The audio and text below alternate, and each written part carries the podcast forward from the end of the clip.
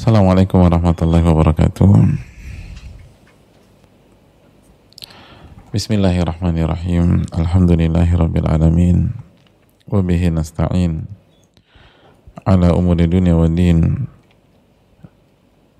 Wassalatu wassalamu ala ashrafi anbiya'ihi wal mursalin wa ala alihi wa sahbihi wa man sara ala nahjihi bi ihsanin ila yaumidin wa ba'd.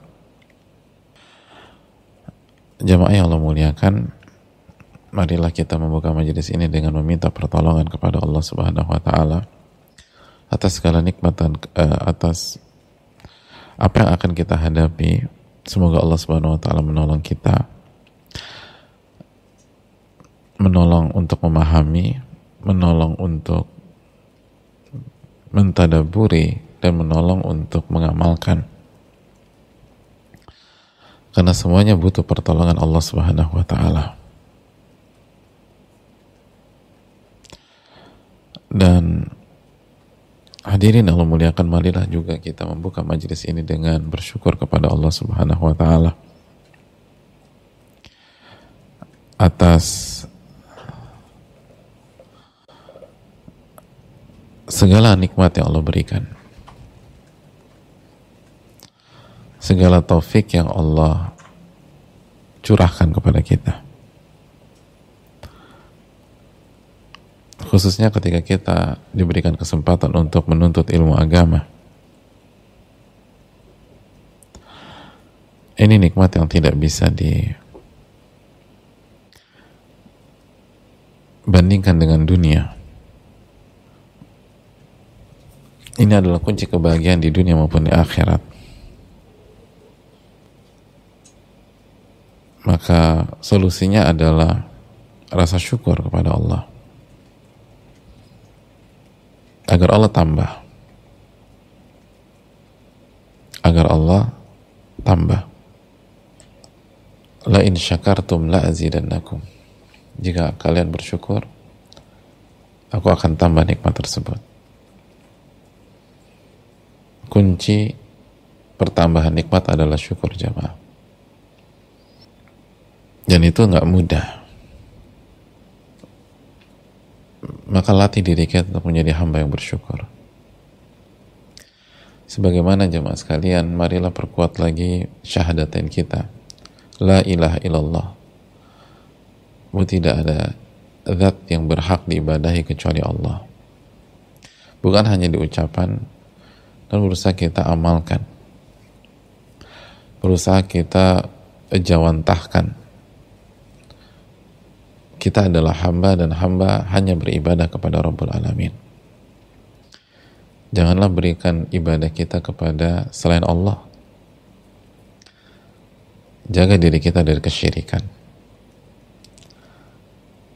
Dan untuk beribadah yang benar maka hanya ada satu jalan yaitu jalan Rasulullah Sallallahu Alaihi Wasallam. Dan itulah syahadatain la ilaha illallah wa anna Muhammad Rasulullah. Dan terakhir marilah kita memberikan salam dan salawat kepada Nabi kita Sallallahu Alaihi Wasallam beserta para keluarga, para sahabat dan orang-orang yang istiqomah berjalan di bawah naungan sunnah beliau sampai hari kiamat kelak. Jemaah masih bersama Imam Nawawi di bab yang ke-10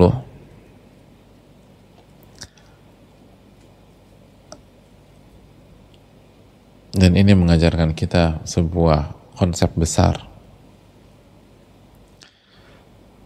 yaitu bersegera mengerjakan amal soleh dan ketaatan. Dan ayat yang menjadi pembuka bab ini adalah surat Al-Baqarah. Fastabiqul khairat. Maka berlomba-lombalah dalam mengerjakan kebaikan atau amal soleh. Dan hadirin yang Allah muliakan,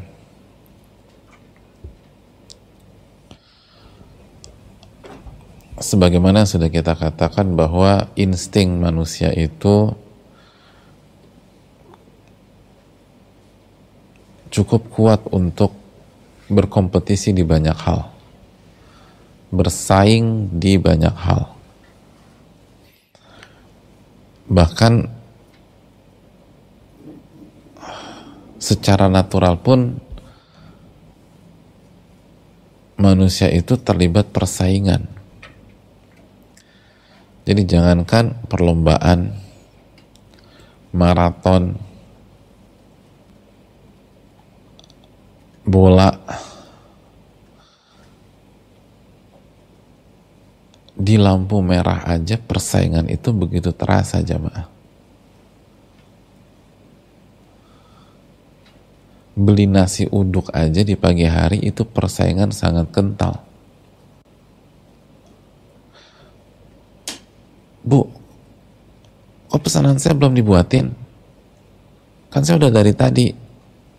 Iya mas, sebentar lagi mas. Persaingan.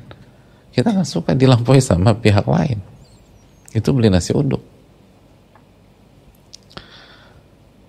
Di halte busway itu persaingan untuk masuk ke busway atau di stasiun persaingan untuk masuk ke dalam gerbong kereta itu sangat kental sangat kuat.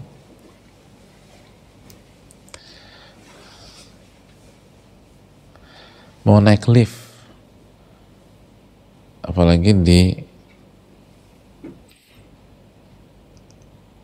waktu-waktu mepet itu naik lift aja. Luar biasa. Persaingannya.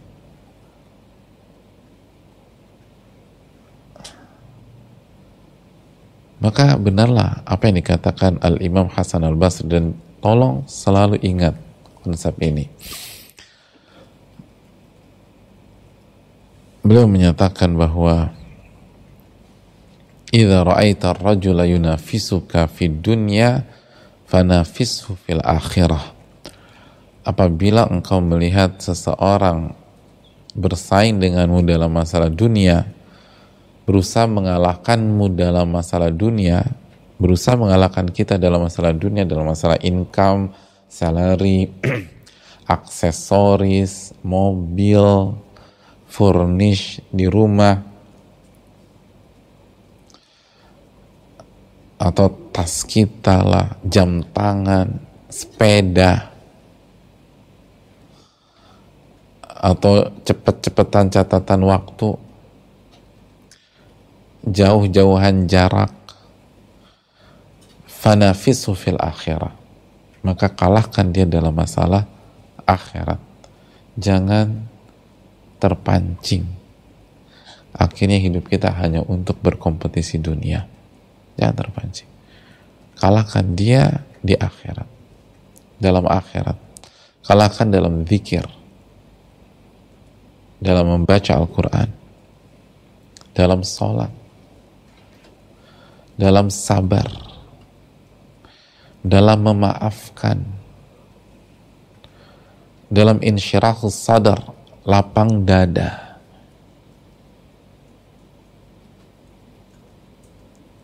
dalam bersyukur. Kalahkan dia. Kita tetap bermain di kota kita. Fastabiqul khairat. Maka berlomba-lombalah dalam mengerjakan amal soleh. Hadirin Allah muliakan. Dan itulah hakikat Makanya jamaskan Umar bin Abdul Aziz. Umar bin Abdul Aziz. Ketika di Arafah dalam haji di Arafah beliau menyampaikan laisa sabiqul yawma man sabaqa bihi ba'iruhu innama sabiqu man ghufira lahu Kata Umar bin Abdul Aziz, nama besar jamaah. Beliau mengatakan di saat wukuf di Arafah. Hari ini pemenangnya bukan siapa yang lebih dulu sampai di Arafah dengan untanya. Jadi hari ini, hari Arafah jemaah. Pemenangnya bukanlah orang yang pertama kali sampai di Arafah dengan untanya. Jadi bukan orang yang punya unta paling cepat selalu dia sampai di Arafah secepat mungkin. Wa inna masabiku man gufirallahu. Karena pemenangnya adalah orang yang diampuni oleh Allah Subhanahu wa taala. Pemenangnya adalah orang yang diampuni di hari Arafah.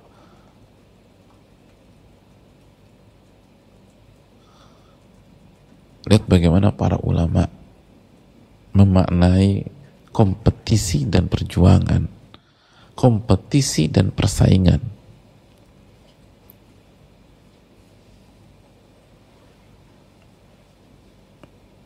Itu yang perlu kita camkan.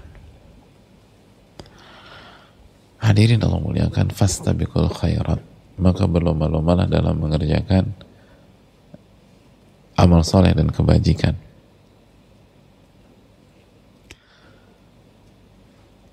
Tanamkan di mindset kita. Tanamkan di dalam hati kita. Inilah perlombaan sesungguhnya. Itu penting. Jadi gini loh, misalnya contoh ya, kita real-realan aja lah. Misalnya kita uh,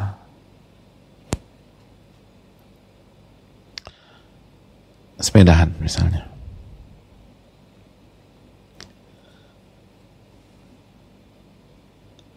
Sepedahan. Jadi ketika kita sepedahan, itu tanamkan diri kita ini bukan tentang adu kuatan-kuatan fisik sama teman-teman apalagi mahal-mahalan sepeda bukan tapi siapa yang paling benar niatnya ketika main sepeda siapa yang paling benar niatnya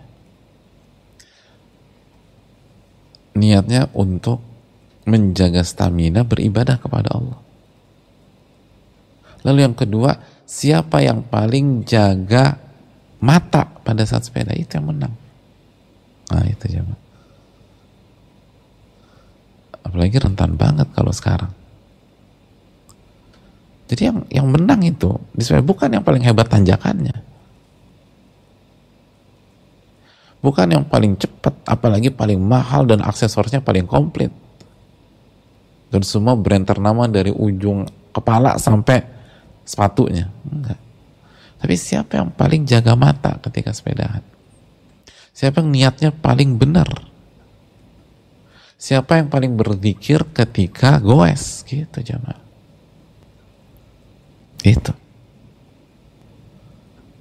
Kalau paling kuat tanjakannya, paling jauh jaraknya, tapi selama perjalanan mikirnya nggak jelas. Bukan itu kalah di mata agama kita.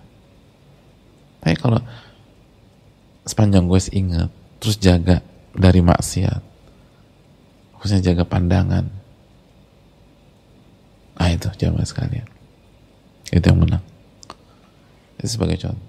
Yang kalau so, waktu sholat berhenti, sholat nih. Yang kalau udah jelas-jelas mau ke apa mau ke Bandung misalnya kena lagi nih ke Bandung ya nggak apa-apa deh dia nggak dia nggak lupa bawa sarung terus pakaiannya auratnya dijaga ini ada sepedaan udah tahu destinasinya jauh melewati waktu sholat eh nggak bawa sarung dia udah nggak bawa sarung pakaiannya auratnya kelihatan Ya gimana mau berkah itu jamaah?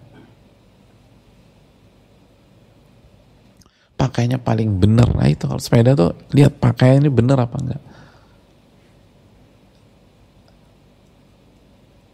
Pakainya bener apa enggak. Pakaiannya diridhoi oleh apa enggak itu poinnya. Misalnya. Lari juga begitu. Jadi simple yang sekarang-sekarang aja deh. Gitu ya kita di lampu merah misalnya harus diganti pola pikirnya yang yang yang oke, okay, yang bagus bukan yang paling jagoan robos lampu merah. Tapi yang paling taat peraturan karena Allah perintahkan kita taat peraturan. Gitu. Yang paling taat peraturan. Bukan yang motornya paling bagus, bukan. Tapi yang motornya paling fungsional. Nah itu. Gak apa-apa mahal, tapi fungsional. Memang kita butuh motor spek kayak begitu. Itu baru menang. Nanti kan ditanya sama Allah, kenapa motornya kayak begitu tuh? Bisa dijawab kita. Emang fungsi Allah. Nah. Jadi coba terapkan.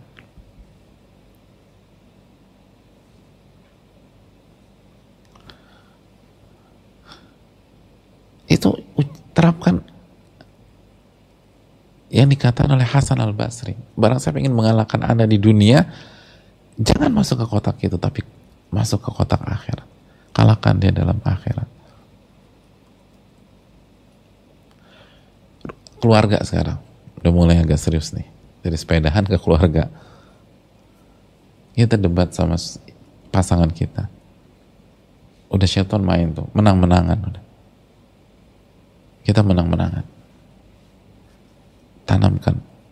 Yang menang adalah yang paling sabar. Nah itu. Kalaupun suami marah untuk mengedukasi istrinya. Bukan untuk kesal benci sama istri, enggak. Tapi sebagai seorang pemimpin, pendidik yang mendidik dan memimpin istrinya. Yang paling sabar, yang paling maafin, yang paling minta maaf duluan, itu yang menang. Bukan yang paling ngotot, paling jago ngejatohin pasangannya, enggak. Yang paling ngejawab. Pokoknya ditanya ada jelasannya. Ada aja argumentasinya. Akhirnya ribut, enggak. Bisa nggak kita latih gitu ya? ya? Buat saya dan kita semua juga. Memang berat. Begitu ada apa adu argumen, adu mulut, setan ngajak kita menang-menangan, oke. Okay. Yang menang yang paling sabar, udah sabaran. Yang menang yang paling minta maaf duluan. Udah, walaupun kita suami minta maafnya duluan.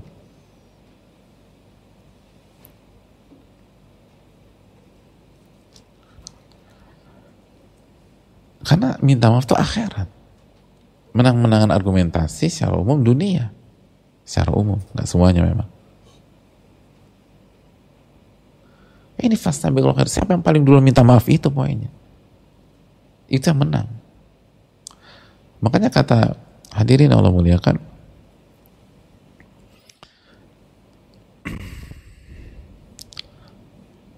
Kan apa kata Nabi Shallallahu Alaihi Wasallam?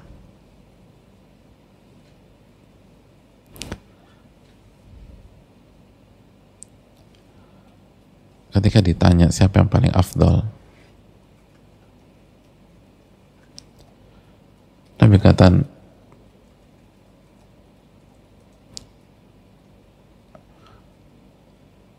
ulahuma bisalam au kamakal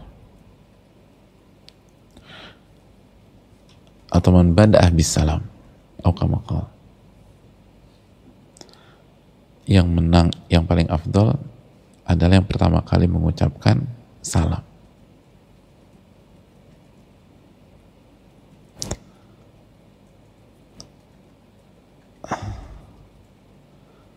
beliau mengatakan dalam hadis Abu Umamah dalam Musnad Imam Ahmad inna awlan nasi billahi man bada'ahum bisalam sesungguhnya manusia yang paling terbaik atau yang paling unggul di sisi Allah adalah yang paling pertama kali mengucapkan salam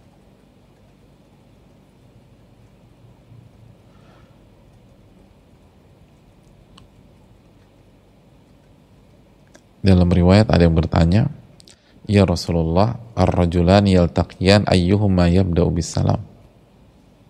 Ya Rasulullah, kalau dua orang ketemu, siapa yang hendaknya kasih salam pertama kali? Kita ketemu nih, siapa yang hendaknya kasih salam pertama kali? Lihat bahasa Nabi. Aulahuma billah. yang paling utama di sisi Allah. Maksudnya apa? Yang paling ingin menjadi pemenang di sisi Allah. Yang paling ingin menjadi yang terbaik di sisi Allah. Ah, dia yang ngucapin salam duluan. Udah nggak usah ribet-ribet deh. Nggak usah tunjuk-tunjukkan. Siapa di antara mereka berdua yang paling ingin menjadi terdepan di sisi Allah? Ah, itu kasih salam duluan. Itu. dan art dan salam negor ucapan. Jadi pola pikir kita terus ke sana coba. Kita balik lagi masalah rumah tangga atau keluarga. Ada siapa dulu minta maaf deh. Atau dalam grup udah ngotot-ngototan, aduh kayaknya kita udah sadar. Udah jangan gengsi-gengsian. Yang paling menang tuh fastabikul khairat yang paling pertama kali minta maaf. Udah menang deh, menang ini Allah dan Rasulnya yang bilang, menang. Tapi syaitan justru ngajak kita berpikir sebaliknya. Syaitan bilang, kalau kamu kasih salam, kamu kalah. Kalau kamu kasih salam, dia menang. Kalau kamu negor duluan, dia menang. Kalau kamu minta maaf sama istrimu, istrimu nanti menang. Kalau kamu minta maaf kepada suamimu, suamimu nanti menang. Itu syaitan. Kita nggak demikian. Kita disuruh kalahkan dari sisi akhirat. Jelas ini jamaah? Oke. Okay. Sekarang, coba kita dalamkan lagi.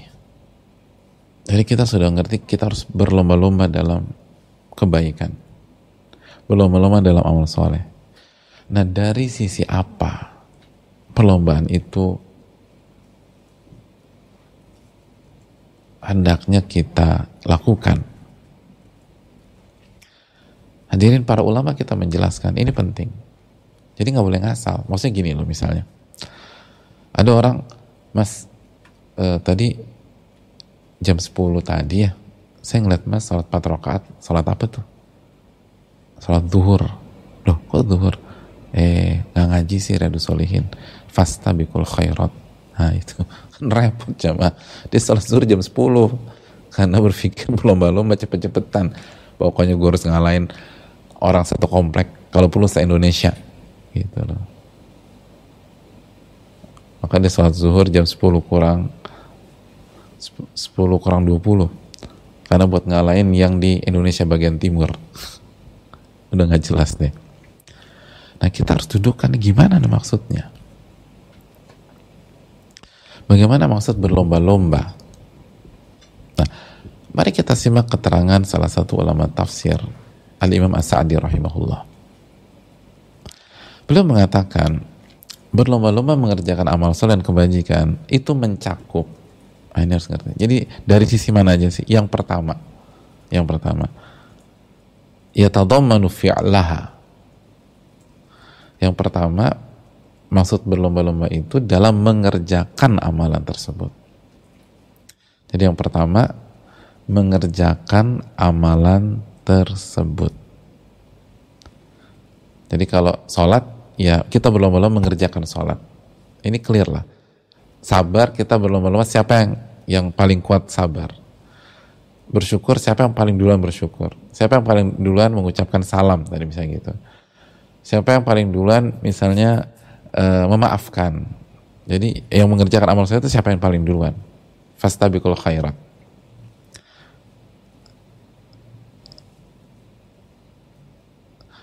siapa yang kasih makan berbuka kita uh, apa misalnya pas Ramadan atau pas hari Kamis seperti ini kita jalan bareng empat orang. Sama semuanya empat orang itu berpuasa. Terus uh, jalan di uh, ada urusan di ada meeting di sore hari pas buka. Nah siapa yang kasih makan berbuka? Ah, itu berlomba-lomba misalnya. Dan empat orang itu siapa yang bayarin? Ya. Bukan siapa yang paling hebat gertakannya gitu. Ngeluarin dompet tapi gertak doang. Tapi siapa yang bayarin? Fastabikul khairat. Nah, itu fi'lah jelas ya? Clear lah. Ini ini mudah. Dengan taufik dari Allah. Yang kedua. Otak milah berlomba-lomba dalam kebaikan dan uh, amal soleh dalam menyelesaikan amal soleh tersebut. Nah ini penting, menyelesaikan, tak menyempurnakan, menyelesaikan. Menyelesaikan.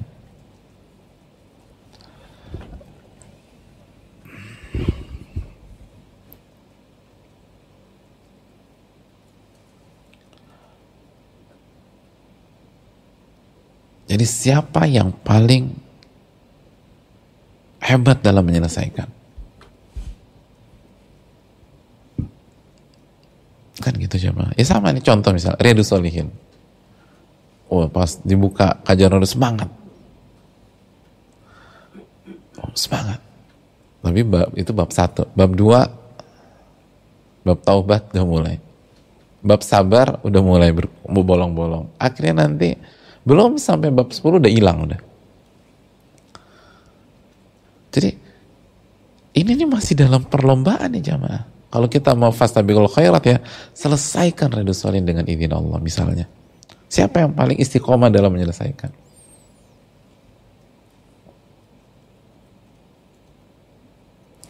Siapa yang paling istiqomah?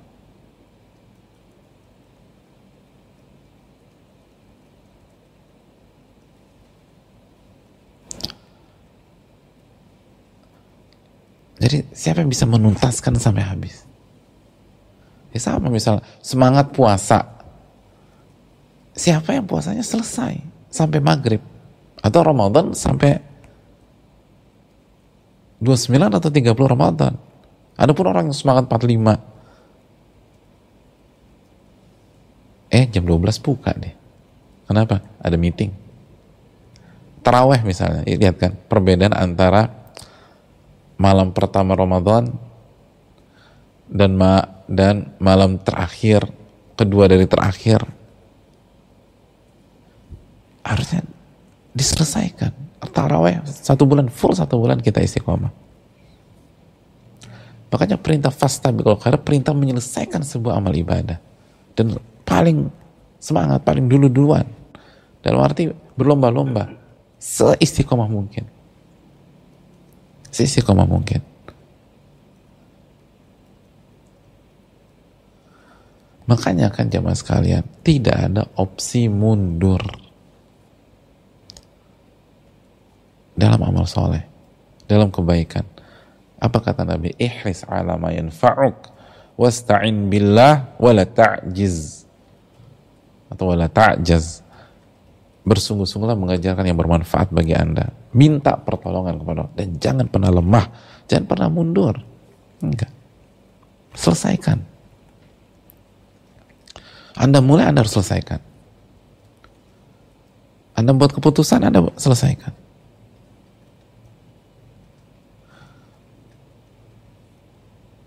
Selesaikan.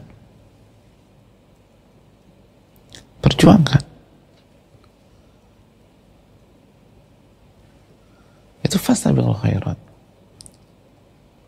Kita masuk Ramadan, selesaikan satu bulan. Kita masuk ke Riyadu Solihin, minta pertolongan Allah, selesaikan. Pasti lah capek, pasti lemah, pasti letih. Istiqomah kan susah, kita udah jelas. Nah, ketika letih, capek, minta pertolongan kepada Allah. Bukan mundur, minta pertolongan. Isti'anah, minta pertolongan. Bukan mundur, bukan down. Selesaikan. Makanya kan ayat yang kita bahas dalam bab sabar, isbiru wasabiru, sabar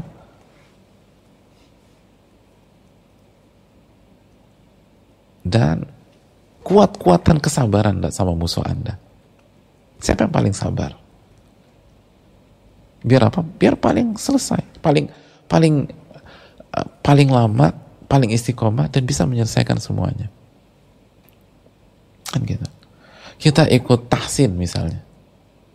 Ikut tajwid. Sunatullah kan gitu. Pas buka pendaftaran rame yang daftar. Lalu udah satu-satu berguguran tuh. Jatuh, jatuh, jatuh. Ada yang sibuk lah, ada yang inilah, ada yang segala macam. Nah, fastabiqul khairat. Siapa yang bisa selesaikan program tahsin tajwid tersebut? Kan itu penyakit kita tuh. Kita tuh kalau ada program-program gitu apalagi gratisan gitu. Ahlu daftar wal jamaah udah. Semua pada daftar. Tapi siapa yang bertahan gitu loh? Yang bertahan dengan beberapa orang. Oh yang daftar dulu. Ini pertanyaan, ini kapan daftarnya sekian? Pertanyaan kedua, gratis apa? Gratis udah daftar udah. Tapi nggak bertahan. Itu penyakit kita. Makanya kita banyak gagal itu karena kita tidak menyelesaikan misi kita. Selesaikan misi. Misi amal ibadah itu selesaikan. Selesaikan.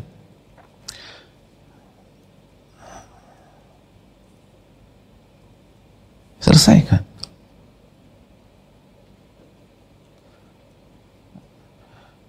Itu yang perlu kita camkan jemaah. Dan banyak contoh masalah ini, banyak contoh.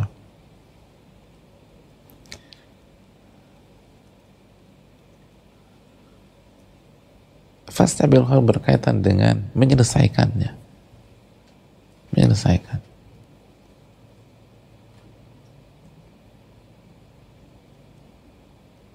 Makanya Nabi SAW wafat.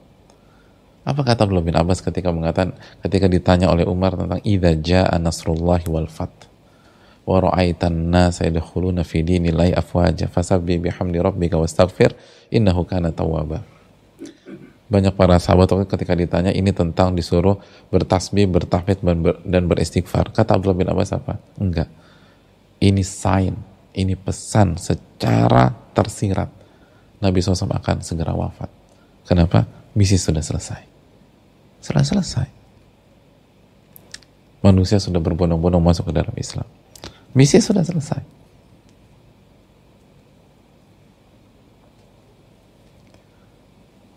Selesaikan quote and quote misi kita jamaah. Selesaikan. Itu fast tabikul khairat. Misi kebaikan selesaikan. Siapa yang paling istiqomah? Adapun kalau Allah takdirkan kita wafat di tengah-tengah perjuangan itu perkara lain. Itulah visabilillah. Tapi jangan dari kita yang mundur.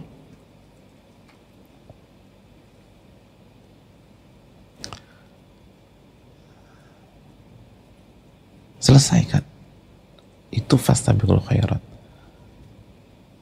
Makanya Al-Hikmah mengatakan sering kali pemenang bukanlah yang tercepat. Tapi justru orang yang paling lama paling lama bertahan yang paling lama bertahan itu yang akan memenangkan sering kali kompetisi di dunia. Bukan yang paling cepat.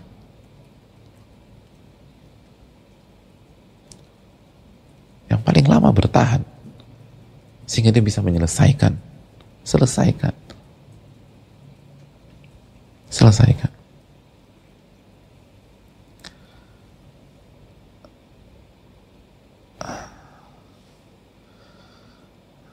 Yang haji misalnya selesaikan udah nabung segala macam terus istiqomah sampai berangkat di sana selesaikan semua manasik.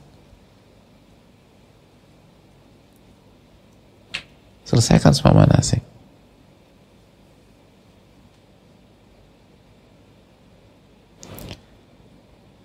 begitu seterusnya.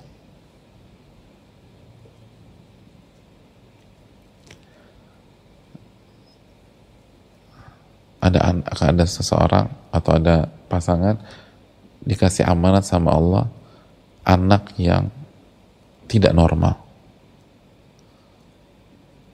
Begitu kita dikasih anak yang tidak normal, selesaikan misi tersebut. Qawmit kita harus kawal anak ini sampai kita wafat atau dia wafat.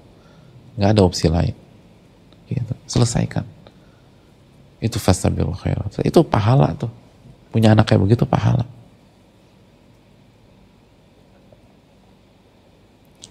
Walaupun capek, letih, let, lelah segala macam, anaknya nggak normal. Dan ketika banyak orang tua berpikir, eh, banyak orang tua punya mimpi anaknya menjadi ustadz, menjadi ulama, menjadi pengusaha, menjadi segala macam. Kita nggak punya masa depan itu. Tapi ingat itu masa depan dunia sering kali. Kalau kita lihat akhirat, nggak ada yang salah. Kalau kita bisa selesaikan misi itu, kita masuk surga, biarlah. Selesaikan. Itu yang kedua. Yang ketiga, iqa'uha ala akmalil akhwal. Kita kerjakan dengan kualitas terbaik. Ah, itu. Dengan kualitas terbaik. Jadi bukan hanya startnya ya cepet-cepet atau cepet-cepetan, nggak harus cepet-cepetan. Bisa jadi khusyuk khusyuan gitu loh. Jadi khairat bukan nggak harus identik dengan cepet-cepetan. Mohon maaf, Pak, kenapa? Dulu tuh saya lihat sholat Bapak zuhurnya tenangan. Tapi kenapa setelah baca bab ke-10 dari, dari Redu Solin cepat banget sholat zuhurnya? Saya lihat tadi dua menit loh pak sholat zuhur. Mas fast tabikul khairat mas. Berlomba-lomba cepet-cepetan. Ini saya target saya 1,5 1,1,5 menit. 1 menit 30 detik ini. Gimana cepet bukan begitu jamaah. Nggak harus demikian tapi lakukan dengan kualitas yang terbaik. Kualitas yang terbaik. Maka jangan hatta tatma'inna hatta tatma'inna raki'an. Atau hatta tatma'inna sajidah itu kan sabda Nabi. Kalau ruku sampai benar-benar tumak ninah ketika anda ruku. Ketika anda sujud sampai benar-benar tumak ninah ketika anda sujud tumak ninah itu artinya seluruh hak gerakan dan sujud tersebut dikasih tenang, nyaman. Kemarin kita bahas gimana kiamulil Nabi, rukunya seperti berdiri, iktidalnya seperti ruku, sujudnya seperti iktidal. Ya begitu. Lakukan dengan kualitas yang terbaik. Jadi fase akhir itu bukan harus cepet-cepetan, enggak. Enggak harus cepet-cepetan. Ada, tapi nggak semua demikian. Tadi cepet-cepet salam ya. Kayak juga misalnya salam. Di samping kita, siapa yang pertama kali mengucapkan salam? Kasih salam yang terbaik. As, kalau bisa Assalamualaikum warahmatullahi wabarakatuh. Kenapa harus Assalamualaikum warahmatullahi saja? Kalau kita bisa Assalamualaikum warahmatullahi, kenapa harus Assalamualaikum saja? Kasih yang terbaik. Assalamualaikum warahmatullahi wabarakatuh.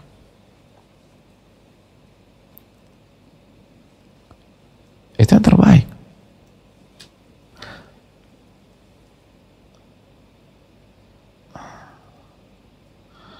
Dan kalau bisa fase Assalamualaikum, kenapa salamnya malas-malasan atau ngasal?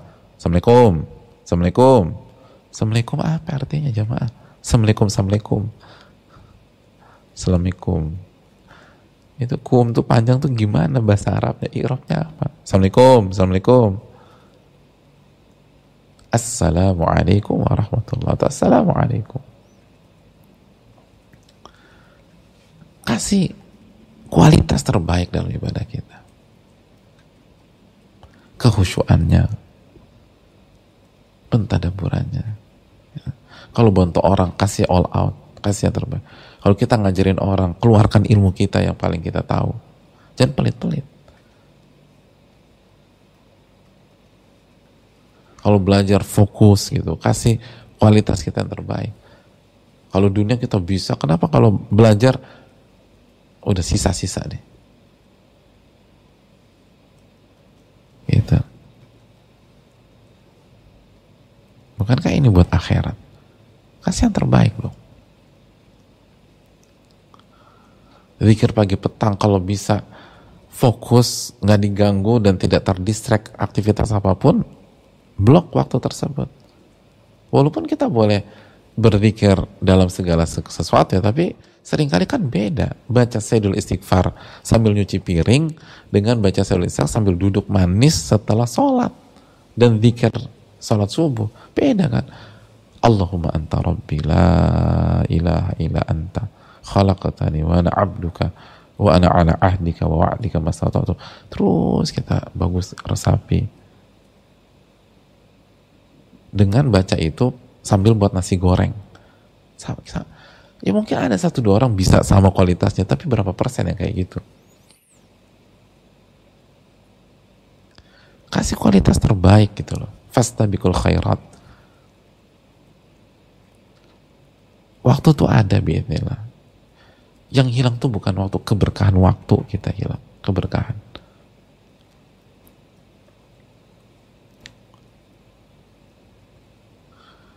Jadi kasih yang terbaik. Keikhlasannya, jangan lupa.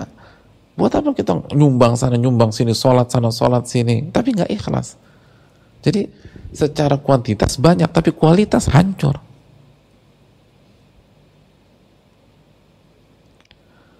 Makanya para ulama seperti Syekh Salih Utsaimin mengatakan dalam yang berkaitan dengan ilmunya, al ilmu yu'khadh bil kaif wa bil kam ilmu itu didapat dengan kualitas, bukan dengan kuantitas. Bukan dengan kuantitas. Makanya dulu para sahabat 10 ayat.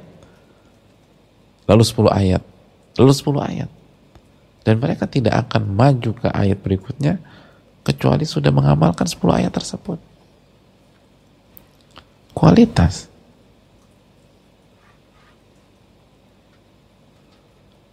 Ini bukan tentang buru-buru atau harus cepat tetap nggak harus cepat kembali ke karakter karakter yang cepat-cepat kita. Jangan lelet. Kata ulama klasik dulu dulu penuntut ilmu terkenal dengan tiga uh, terkenal dengan kecepatan mereka di tiga hal. Yang pertama apa? Ketika nulis nulisnya cepat-cepat yang kedua makan. Makannya cepat. Ada buang-buang waktu. Kita di restoran dua jam buang-buang waktu coba. Makan cepat. Yang ketiga ketika jalan. Jalan tuh cepat. Tek tek tek tek gitu. Jadi kalau karakternya cepat ya cepat.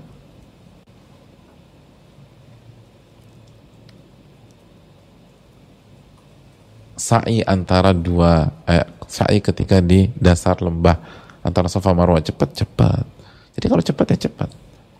Tapi kalau disuruh apa lambat kita main lambat.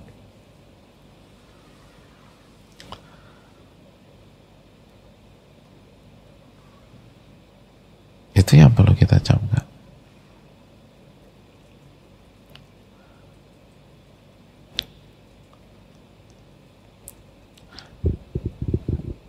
berikan kualitas terbaik ketika kita jadi suami atau jadi istri kasih kualitas yang terbaik dari diri kita. Kasih kualitas terbaik. Kita jadi suami atau kita jadi istri. Kasih kualitas terbaik. Itu fastabiqul khairat. Itu fastabiqul khairat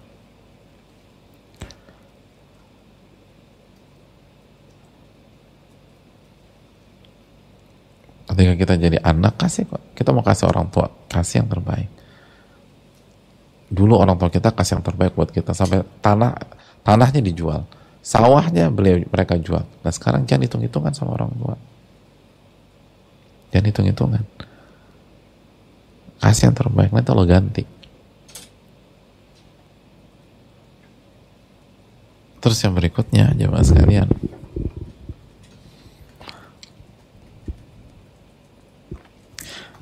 Jadi kualitas ya dijaga. Keikhlasan juga jangan lupa tuh keikhlasan. Jaga keikhlasan. Bukan hanya kita tentang mengerjakan aja, tapi tentang keikhlasan. Makanya Al-Imam Al-Baghawi mengatakan Al-Mubadara ilal qabul. Jadi bagaimana menerima dan bagaimana amal itu diterima. Bukan hanya sekedar dikerjakan. Jadi menerima amal itu dan bagaimana amal itu diterima. Yang terakhir al-mubadarah ilaiha baru bersegera bersegera mengerjakan hal tersebut. Jadi ketika kualitasnya sudah udah benar. Jadi bersegeranya itu setelah kita pahami secara komprehensif amalannya lalu diselesaikan lalu dengan menjaga kualitas terbaik. Dan dalam untuk mendapatkan kualitas terbaik kalau bisa satu jam kenapa dua jam gitu loh? Tapi jaga kualitas. Untuk mendapatkan kualitas terbaik kalau kita bisa lakukan itu satu hari kenapa dua hari? Gitu jadi mubadar. Untuk jadi pokoknya saya mau kualitas terbaik yang oke. Okay. bisa berapa hari misalnya? E, tiga hari deh oh tiga hari ya? Bukannya sehari? Sehari bisa tapi kualitasnya nggak terbaik. Oh enggak enggak enggak tiga hari. Nah kalau tiga hari jangan dibuat empat hari itu poinnya. Jelas coba sekalian. Ya, jadi jangan dibuat uh, saja itu seperti misal baca Quran. Baca Quran orang-orang coba tapi huruf-huruf itu tidak dikasih haknya hukum tajwidnya dilanggar. Oke okay. hukum tajwidnya sempurna. Makharijul hurufnya dan sifatul hurufnya harus sempurna. Durasinya satu juz berapa? Misalnya satu jam. Oh udah satu jam. Jadi buat dua jam. Kecuali untuk mentadaburi misalnya gitu. Diulang lagi kayak Nabi SAW itu beda lagi. Jadi intinya ketika kita dapat kualitas terbaik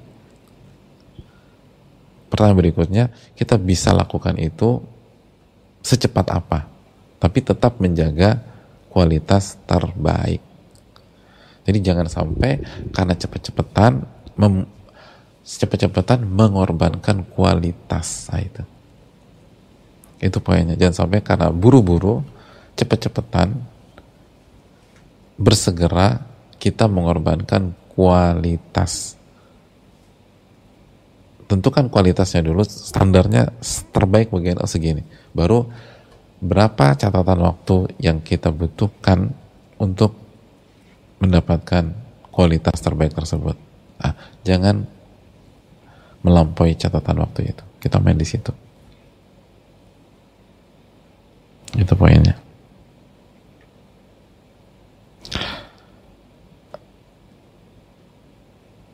Allah taala alam uh, bisawab.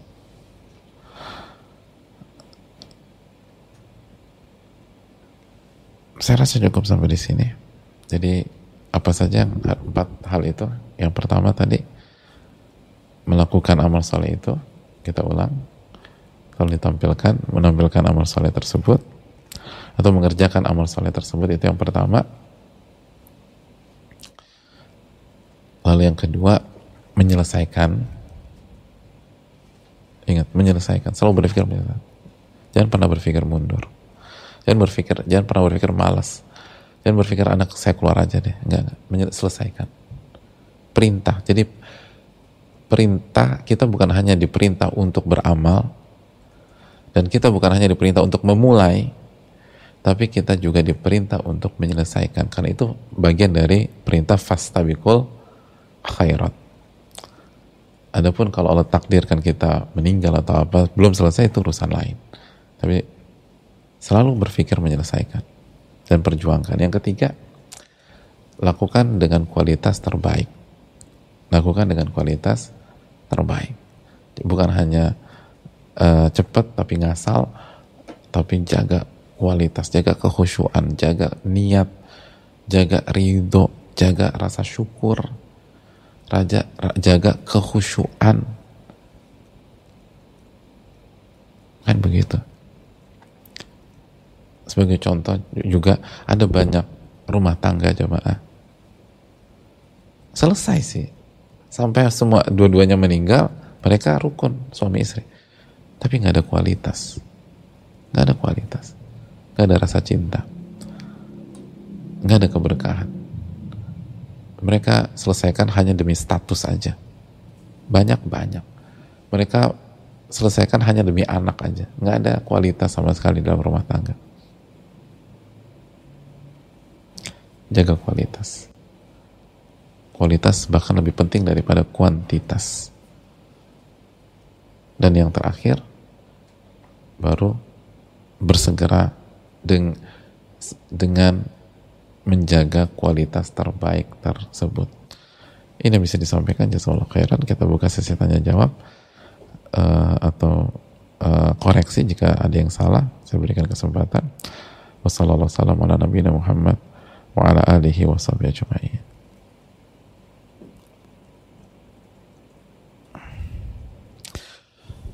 Assalamualaikum warahmatullahi wabarakatuh. Waalaikumsalam warahmatullahi wabarakatuh.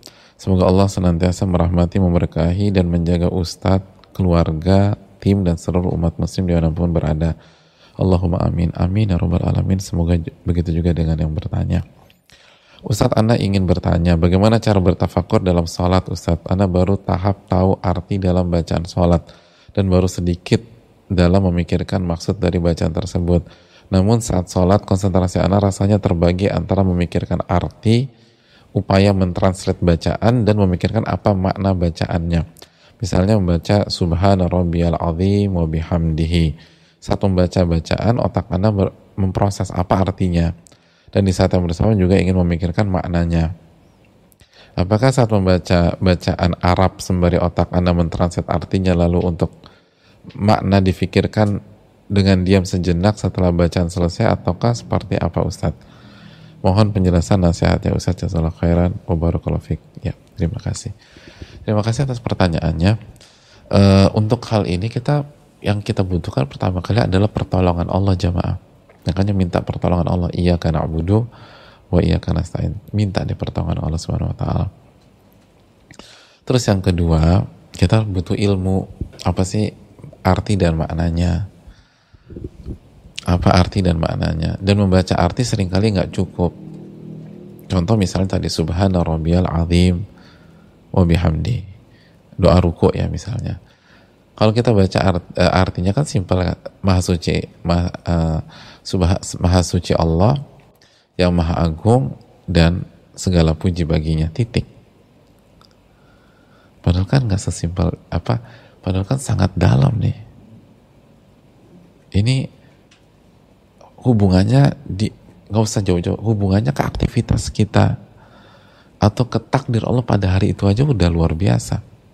Kita lagi ketika kita lagi ada masalah di pagi ini lalu kita lagi ruwet-ruwet gitu sholat zuhur langsung sholat kita nggak sholat. Misalnya kita nggak nggak nggak sunnah lah. Kita langsung wajibnya. Itu aja udah cukup untuk men menetralkan lagi. Apalagi kalau kita tambah sunnahnya jamaah ada masalah. Terus kita ru sholat kita su kita ruku. Lalu kita baca subhana rabbiyal azim wa bihamdi. Apa itu? Maha suci engkau. Maha suci maha suci Allah subhanahu wa taala. Maha suci dari apa? Dari dua hal. Dari sifat buruk dan ketidaksempurnaan walaupun baik. Artinya, Allah Maha Suci dari mentakdirkan hal yang buruk bagi diri kita di pagi ini. Maka semua yang kita alami pagi ini, semua yang kita alami pagi ini, walaupun nggak sesuai dengan selera kita, pasti itu banyak hikmah dan untuk kebaikan kita. Kenapa? Karena Allah Maha Suci. Maha Suci. Sehingga Allah nggak mungkin menzolimi kita. Nggak mungkin menghancurkan kita. Nggak mungkin menghempaskan kita. Dan karena itu nggak mungkin, maka yang pantas bagi Allah selanjutnya adalah wabihamdihi memujinya subhanahu wa ta'ala memujinya bukan berkeluh memuji Wah, itu dalam jamaah sekalian. Sangat dalam. Makanya nggak heran Nabi mengatakan, ya Bilal arih Nabi sholat. Wahai Bilal kita break sejenak, mari kita sholat. Jadi sholat itu untuk menenangkan, refresh lagi, membuat kita jadi nyaman kembali dan seterusnya. Dan pelan-pelan, pelan-pelan, pelan-pelan, pelan-pelan. Allah taala bisa. Pelan-pelan. Dan apalagi kalau sholat sendiri kan nggak ada yang perlu diburu-buru. Dan tenang aja sholat. Latihan dan latihan dari sholat-sholat sunnah sehingga kalau kita jadi makmum dan tipikal usaha, uh, tipikal imamnya uh, eh, melakukan apa setiap gerakan uh, apa misalnya Eh, nggak lama gitu ya, ya rukunya ya ya ruku biasa normal kita udah terbiasa dengan latihan ketika sholat sunnah Allah taala bisa Jazak, jazakullah atas pertanyaannya. Lanjutkan. Assalamualaikum warahmatullahi wabarakatuh. Ustaz. Waalaikumsalam warahmatullahi wabarakatuh. Semoga Ustaz bersama tim dan jamaah selalu diberkahi oleh Allah Subhanahu wa taala. Amin ya rabbal alamin. Berikut berikut juga seluruh umat muslim di dunia. Amin ya rabbal alamin. Begitu juga yang bertanya. Ustaz, saya seorang guru yang masih banyak masih merasa banyak kekurangan saat mengajar murid saya dan perasaan ingin mundur itu sering sekali datang karena saya ingin memberi yang terbaik untuk murid saya tapi saya merasa tidak mampu. Apakah tindakan tersebut benar Pak Ustadz? Mohon nasihatnya. Mohon penjelasannya jazakallah khair Ustadz. Semoga kita semua selalu diberi kesehatan dan keselamatan oleh Allah. Amin ya rabbal alamin. Begitu yang bertanya. Wa iyyakum. Yang pertama, kalau mundur untuk kembali mungkin. Artinya, aduh kayaknya aku harus belajar dulu sehingga aku bisa lebih baik lagi itu bisa dipertimbangkan mulai dari apa dikurangi jadwalnya jadwal ngajar untuk belajar sampai misalnya ya udah kita uh, apa postpone dulu kita libur dulu bukan mundur ya libur lalu kita belajar lalu kita balik lagi dua opsi itu bisa dipilih sesuai dengan kondisi kita. Artinya kita kurangin waktu kita bisa kita bisa buat belajar atau kita postpone, kita cuti dulu, kita belajar biar lebih maksimal lalu balik lagi. Adapun mundur meninggalkan ya tidak lah jamaah. Untuk kalau memang kita nggak bisa untuk bisa belajar lagi, mungkin kendala tempat, sarana dan seterusnya, ya udah fattakullah masata'atum bertakwalah kepada Allah semampu kalian. Ya udah kalau kita hanya bisa 60 persen, 60 persen. Kan masih ingat sabda Nabi SAW dalam hadis eh, dalam bab istiqomah, sadidu wa qaribu. Maksimalkan, kalau nggak bisa dekati kesempurnaan. Ya udah semampu kita. Insya Allah kalau kita jujur ya, Allah akan berikan berkah. Yang penting jujur itu loh, jujur ikhlas dalam mengajar, dalam mendidik. Allah kasih keberkahan. Lihat ya, Allah kasih keberkahan.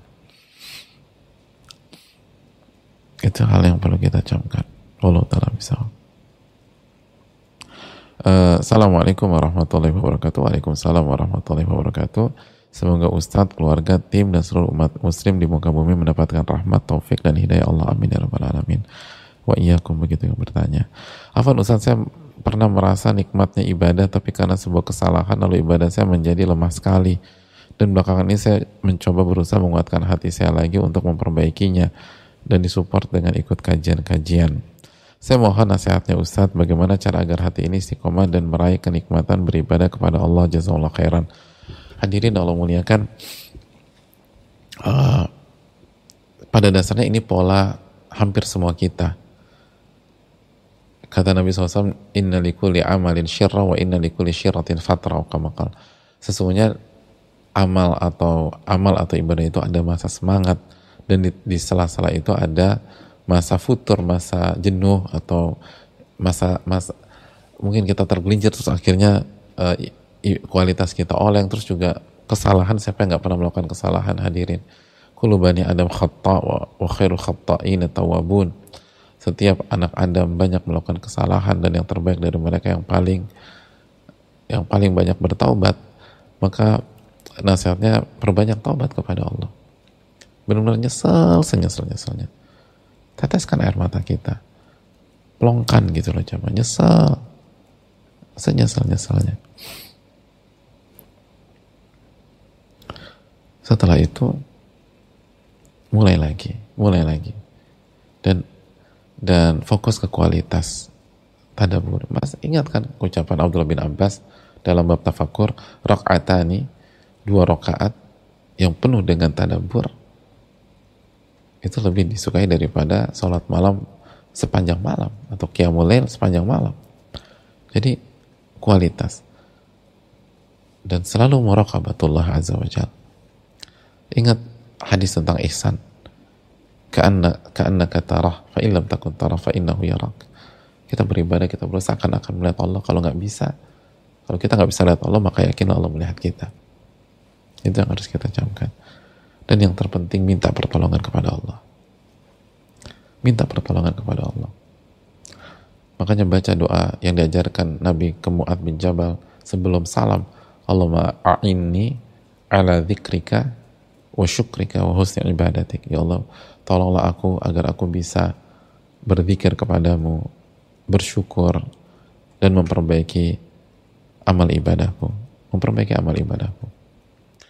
Lalu baca doa, Allahumma inni as'aluka ats-tsabata fil amr wa as'aluka azimata rushdi. Wa as'aluka ni'am uh, wa as'aluka syukra ni'matik wa husna ibadatik. Wa as'aluka lisanan sadiqa wa qalban salima. Dan seterusnya. Ini bagus banget. Allah Nabi ajarkan kita membaca doa ya Allah aku meminta aku meminta keistiqomahan di atas ketaatan. Minta istiqomah. At-thabata fil amal minta keistiqomahan di atas ketaatan. Yang kedua wa azimata rushdi minta kekuatan agak minta kekuatan dalam menjalani kebenaran. Minta kekuatan azimah kekuatan kekokohan. Minta kekuatan sama Allah. Terus yang ketiga wa as'aluka syukran ni'matik aku meminta tolong agar aku bisa bersyukur dan mensyukuri nikmat-nikmatmu minta bersyukur minta agar kita jadi hamba yang bersyukur terus wa husna ibadatik dan meminta pertolongan agar kita bisa memperbaiki amal ibadah kita. Husna ibadatik. Lalu as'aluka lisanan sadiqa wa qalban salima. Kita meminta lisan yang benar dan jujur dan hati yang selamat. Eh, bagus banget ya doanya jemaah. Lisan yang jujur, lisan yang benar, yang nggak suka bohong, yang selalu bicara benar, berkah, dan hati yang selamat. Wa'udzubika min syarri ma ta'lam wa as'aluka min khairi ma ta'lam wa astaghfiruka mimma ta'lam innaka anta alamul ghuyub dan aku berlindung kepada engkau dari keburukan yang engkau ketahui dan aku meminta kepada engkau kebaikan yang engkau ketahui dan aku beristighfar dari kesalahan yang engkau ketahui. Engkau adalah hal yang paling tahu hal yang gaib. Itu doa. Hafal jamaah hafalin. Kalau nggak hafal nyontek juga pas asal baca itu doa. Ini bisa disampaikan jazakallah khairan. Semoga bermanfaat.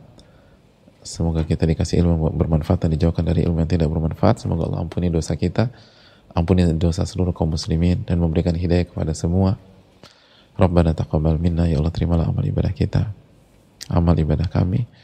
Subhanakallahumma wa bihamdika la ilaha illa anta astaghfiruka wa atubu ilaik. Assalamualaikum warahmatullahi wabarakatuh.